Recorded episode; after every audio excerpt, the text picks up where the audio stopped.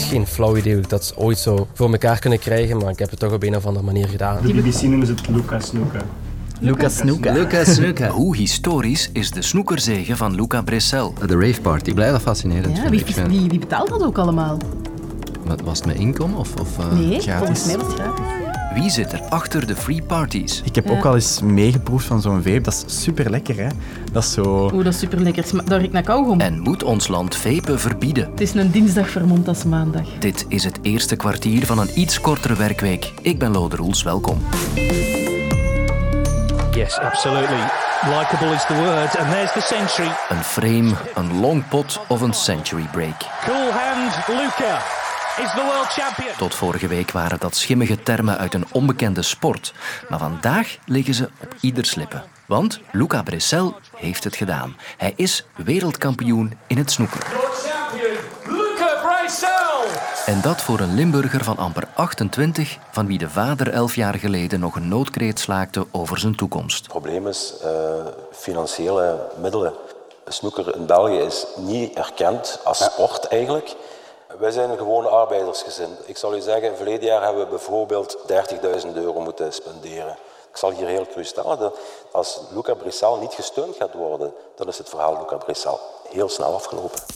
Maar het verhaal liep dus niet af. En Bressel is nu een wereldtitel en 500.000 pond rijker. Dat is, dat is fenomenaal. Ja, daar was ik zo blij mee. Het zijn hoogdagen, ja, absoluut. En deze man kan er niet over zwijgen. Elk jaar loop ik mijn Turken langs de nieuwsdienst en bij mijn eigen redacties ook van... Ah, het zullen we een keer niks doen over de snoeker, dat is zo fantastisch. Mijn collega Radio 1-reporter Bart Bogaert. Aan hem vroeg ik waarom de zege van Bressel historisch is. En we kwamen samen tot vier redenen. 1. Omdat hij een Europeaan van het vasteland is. One frame from getting a new winner, the first from mainland Europe. Het is de eerste speler van het Europese vasteland die daarin slaagt. Er heeft al wel eens een Canadees gewonnen en een Ier en een Australiër, maar dat, dat voelt allemaal nog een klein beetje Brits aan op een of andere manier. Renaat Schotten noemde het een paleisrevolutie gisteren. Dat is het eigenlijk. Hè. De Britten hebben dat altijd zo'n beetje beschouwd als hun sport, maar het is dus een Belg. En dat is, dat is een mijlpaal. Plots beginnen de Britten te beseffen van... Ha, wij zijn het niet alleen die aan snoeker doen. En wij zijn het niet alleen die die sport zo fantastisch vinden. 2. Omdat het een atypische snoekerspeler is. No practice, just partying. Uh, it's yeah, it shouldn't be legal. Hij ziet er rock'n'roll uit. Hè. Hij heeft tattoos met boodschappen op zijn handen. De handen van een snoekerspeler die natuurlijk vaak in beeld komen. Hè. Free Bird staat daarop, vrije vogel. En dat is hij ook. Hè. Hij heeft eigenlijk lak aan conventies en tradities. Wat hij altijd doet, dat is gaan voor het shot. Als hij ook maar een kleine kans ziet, dan zal hij proberen die kans te grijpen. Waar andere spelers eerder de neiging hebben van ik ga wachten tot ik een iets betere kans krijg. Hij is een puur sang aanvaller. Dat is dus een beetje breken met een zekere traditie. Hij is de meest aanvallende speler die ik in dit toernooi en misschien ooit heb zien spelen. 3. Omdat Bressel vertrok vanuit een underdog-positie. Hij had die eeuwige stempel van hij zal het gaan worden. Het was al vijf keer mislukt. Hij had tot voor dit toernooi nog nooit een match op het WK gewonnen. Het was al heel nipt geweest in de eerste ronde. Het zag er even naar uit dat het weer zou gaan mislukken. Dus de verwachtingen rond Bressel waren al wel wat getemperd daardoor. En ja, dat maakte van hem natuurlijk een underdog. Men hield er al bijna geen rekening meer mee. Maar dan wint hij die eerste match. En dan zie je ja, dat, dat, dat alles kan. Hè. En 4. Omdat snoeker nu iets serieus kan worden in België. Het zal er ook voor zorgen dat die sport, zoals nu met darts ook is gebeurd, op het vasteland ook weer meer ingang zal vinden. Ik kan me voorstellen dat er uh, mensen nu al plannen aan het broeden zijn om uh, snoekerclubs te starten en dergelijke meer. Dus dat gaat een enorme impact hebben op die sport. In die zin is het misschien geen goed idee geweest om zo hard de nadruk te leggen op hoe hij zich heeft voorbereid en, en te vertellen dat hij uh, de avond ervoor nog tot heel laat op café is geweest en dat hij eh, ongelooflijk veel gedronken had. Ik vind dat we eigenlijk al voorbij dat cliché zouden mogen zijn. Ik vind dat de prestaties van de spelers getoond hebben dat die sport wel iets is om ernstig te nemen. Maar goed, als het al ergens goed voor zou geweest zijn, het is voor heel veel dingen goed natuurlijk, dan is het toch misschien dat die sport inderdaad heel au serieus zal kunnen genomen worden.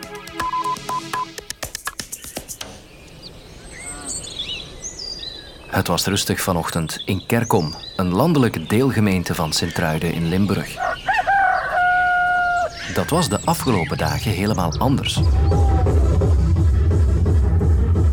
Op het oude militaire domein daar streken tussen vrijdagavond en maandagmiddag onaangekondigd zo'n 10.000 mensen neer voor een illegaal dansfeest. Een zogenoemde rave of free party. Dat leidde tot overlast voor de buurt. Het geluid werd maar sterker en sterker. Alle honden in de buurt die begonnen te blaffen. Maar je kunt er niks tegen beginnen. Ze komen hier maar toestromen. Politie zien we nergens. Hè. Schade bij de boeren. Wanneer hebt u dit ingezaaid? Verleden week. Ja, en dat is, daar kun je niks meer van maken. Hè. Dat is aangetrapt. En bange tijden voor dieren in het beschermde natuurgebied er rond. We hebben inderdaad al een dode ree aangetroffen gisteren. Dus uh, gewoon kapot gelopen tegen de omheining. Niemand wist van iets. En nochtans duiken dat soort evenementen regelmatig op, georganiseerd door een gesloten gemeenschap van ravers die op dezelfde manier in het leven staan. Het gaat echt gewoon over samen zijn en samenhorigheid en eigenlijk uh, ja, uzelf kunnen zijn. Inderdaad zonder regels, omdat er in de maatschappij nu eenmaal heel veel regels bestaan.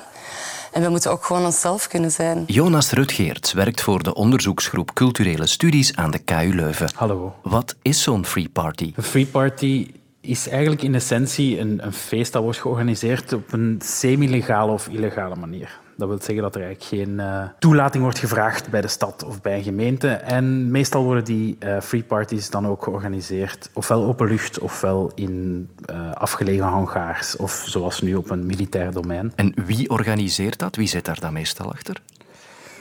Traditioneel wordt er gezegd dat uh, wordt georganiseerd door wat ze een sound system noemen. Een sound system is enerzijds natuurlijk de apparatuur, zoals de titel het al zegt.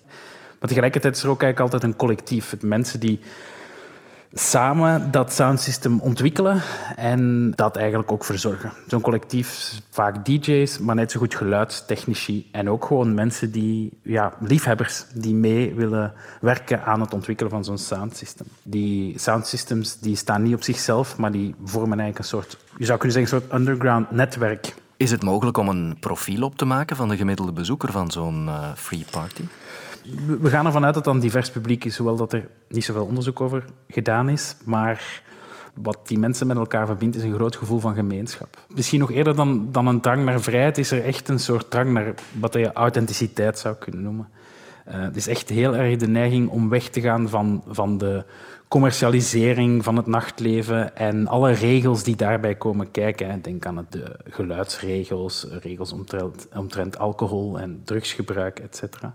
Dus je ziet echt dat die uh, mensen uit de free parties zien dat die heel erg, zich daar heel erg tegen verzetten en heel erg terug willen naar een soort feest waarin dat de muziek eerst komt en waarbij iedereen kan doen wat hij, zij, hen willen doen. Ik denk dat het ook wel belangrijk is om te beseffen dat het niet zozeer gaat over individuele vrijheid of mijn vrijheid en ik mag doen wat ik wil, maar dat het echt gaat over een gemeenschap die zich eigenlijk op een bepaald moment buiten de regels plaatst om een gemeenschappelijk, een collectieve ervaring te hebben. Opvallend was ook dat het terrein op maandagochtend behoorlijk netjes was achtergelaten. Is dat dan ook kenmerkend mm -hmm. voor die gemeenschap? Het is geen verrassing. Er is een heel groot gevoel van gemeenschappelijkheid en van zorg. Uh, zorg dragen voor elkaar, zorg dragen voor de omgeving.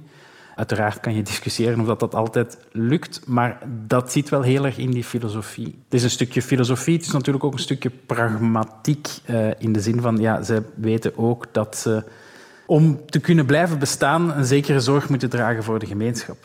En de negen mensen die de afgelopen uren werden aangehouden na de illegale raveparty in Sint-Truiden zijn intussen vrijgelaten in afwachting van verder onderzoek.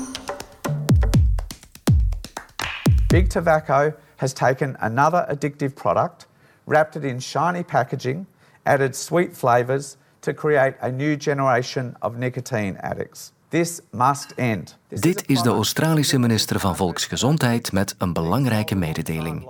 De elektronische sigaret voor je plezier gebruiken, dat zal niet meer kunnen.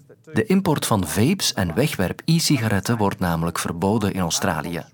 Alleen vapes die bedoeld zijn als medisch product, dus bijvoorbeeld om te helpen als je wil afkicken van roken, zullen wel nog toegelaten worden. Maar je zal ze alleen nog maar in de apotheek kunnen kopen in een medisch verantwoorde verpakking en zonder aantrekkelijke smaakjes en kleurtjes. No more bubblegum flavours, no more pink unicorns. De minister noemt jongeren als een belangrijke doelgroep van de vape-industrie. En nu wil het toeval dat wij bij het kwartier vandaag een klas 15-jarigen op bezoek hadden. Mijn collega Mathieu duwde hen meteen een microfoon onder de neus. Wie heeft er al eens gevaped? Alleen jij dus. Is dat leuk? Ja, Doe je dat vaak? Eh, nu niet meer. Maar je hebt het vaak gedaan? Of? Ja, toch wel. Eh, elke dag. Gewoon meer, als ik er zin in heb, dus meerdere keer per dag. Waarom heb je dat gedaan? Ja, een lekkere smaak. En als er veel nicotine in zit, is dat een goed gevoel aan je hoofd. Dus wel een beetje verslavend ook? Ja, een beetje. Ja. En jij bent dus de enige bij een groep van... hoe- Met hoeveel zijn jullie? 22. 22. Ben jij de enige die dat ooit al eens geprobeerd heeft? Geloof je dat zelf? Nee. En ik moet toegeven dat ik onze brave klas ook niet geloof. Want volgens cijfers van het Vlaams Instituut Gezond Leven zou een vierde van de jongeren het op zijn minst al eens geprobeerd hebben. Tabacoloog Andoge vindt dat niet verbazend. Die willen proberen, die willen van alles ontdekken. En door dat aan te bieden in verschillende smaken gaan zij natuurlijk ook wel sneller geneigd zijn om te zeggen van ah, ik heb nu de vanille geprobeerd, ik wil nu de andere proberen. Waardoor dat ze eigenlijk een verslaving of een verslavingslevel naar omhoog gaan trekken. Ik heb nog drie vragen voor haar. Is vapen echt slecht voor je gezondheid? Ja, er zijn natuurlijk wel schadelijke stoffen in e-sigaretten. Je hebt propyleen, glycerol. Je hebt ook metalen die in eh vape-toestellen aanwezig zijn, die door de verhitting eigenlijk ervoor gaan zorgen dat er metaaldeeltjes gaan vrijkomen ook. Bovendien heb je natuurlijk ook de temperatuur van de damp, die ervoor zorgt dat de mucosa, eigenlijk de speekselklieren en de omgeving in je mond ook aangetast gaan worden. Je gaat irritaties krijgen. Vergelijk het eigenlijk gewoon met een koffie die je drinkt. Als jij continu te warme koffie gaat drinken, dan gaat jij natuurlijk ook je mondflora en je bacteriën in je mond ook gaan beschadigen. Natuurlijk, ja, vapen is nog niet zo lang op de markt om effectief wel langdurige onderzoeken eh, te, kunnen, te kunnen staven. Maar er is sowieso een verhoogd risico op kanker. En we zien ook wel dat vapen ook wel hartkloppingen gaat veroorzaken of kan veroorzaken. Kan vapen wel een bondgenoot zijn om van je rookverslaving af te geraken? In principe zou je dat kunnen zeggen, dat het minder schadelijk is dan roken. Maar als je tegen iemand die drinkt zegt, eh, die bijvoorbeeld alle dagen een fles vodka drinkt, eh, drink alle dagen een fles wijn. Blijft je dan verslaafd of niet? Dan gaat je de handeling nog steeds blijven doen. En wat als uw vape-toestel dan stuk is in het weekend en er is geen enkele winkel open, dan ga je automatisch terug de opstap maken volgens mij naar roken. Aan de mensen die willen stoppen kan ik maar één raad geven. Vraag uw huisarts om raad, vraag uw apotheek om raad. Eh, ga naar een tabacoloog, bel tabakstop. Er zijn echt, echt wel veel alternatieven. En moeten we vapen dan verbieden, zoals in Australië? Ik vind de regels in Australië sowieso top. Ik vind het ook heel belangrijk dat bijvoorbeeld het vapen dat dat zou verbonden worden aan de verkoop bij de apotheek. Om de eenvoudige reden dat daar dan de gezondheidsraad ook wel de inspectie op doet. Want alles wat in de apotheek aangeboden wordt, wordt ook gecontroleerd. Terwijl dat als je naar het kruidvat gaat of naar een vape-shop of weet ik veel wat, is er niemand die u kan garanderen dat wat erop staat, dat dat ook effectief erin zit, want het wordt niet gecontroleerd. Of minder. Maar inderdaad, Europa moet daar veel sterker en een veel krachtiger signaal in geven. En hopelijk smaakte dit kwartier alvast naar meer en ben je morgen opnieuw van de partij, dan is Sofie er met drie nieuwe onderwerpen. Voor een podcast vol zware gitaren kruipen de zanger van Psychonaut en de drummer van Brutus elke maand één keer samen in een kot.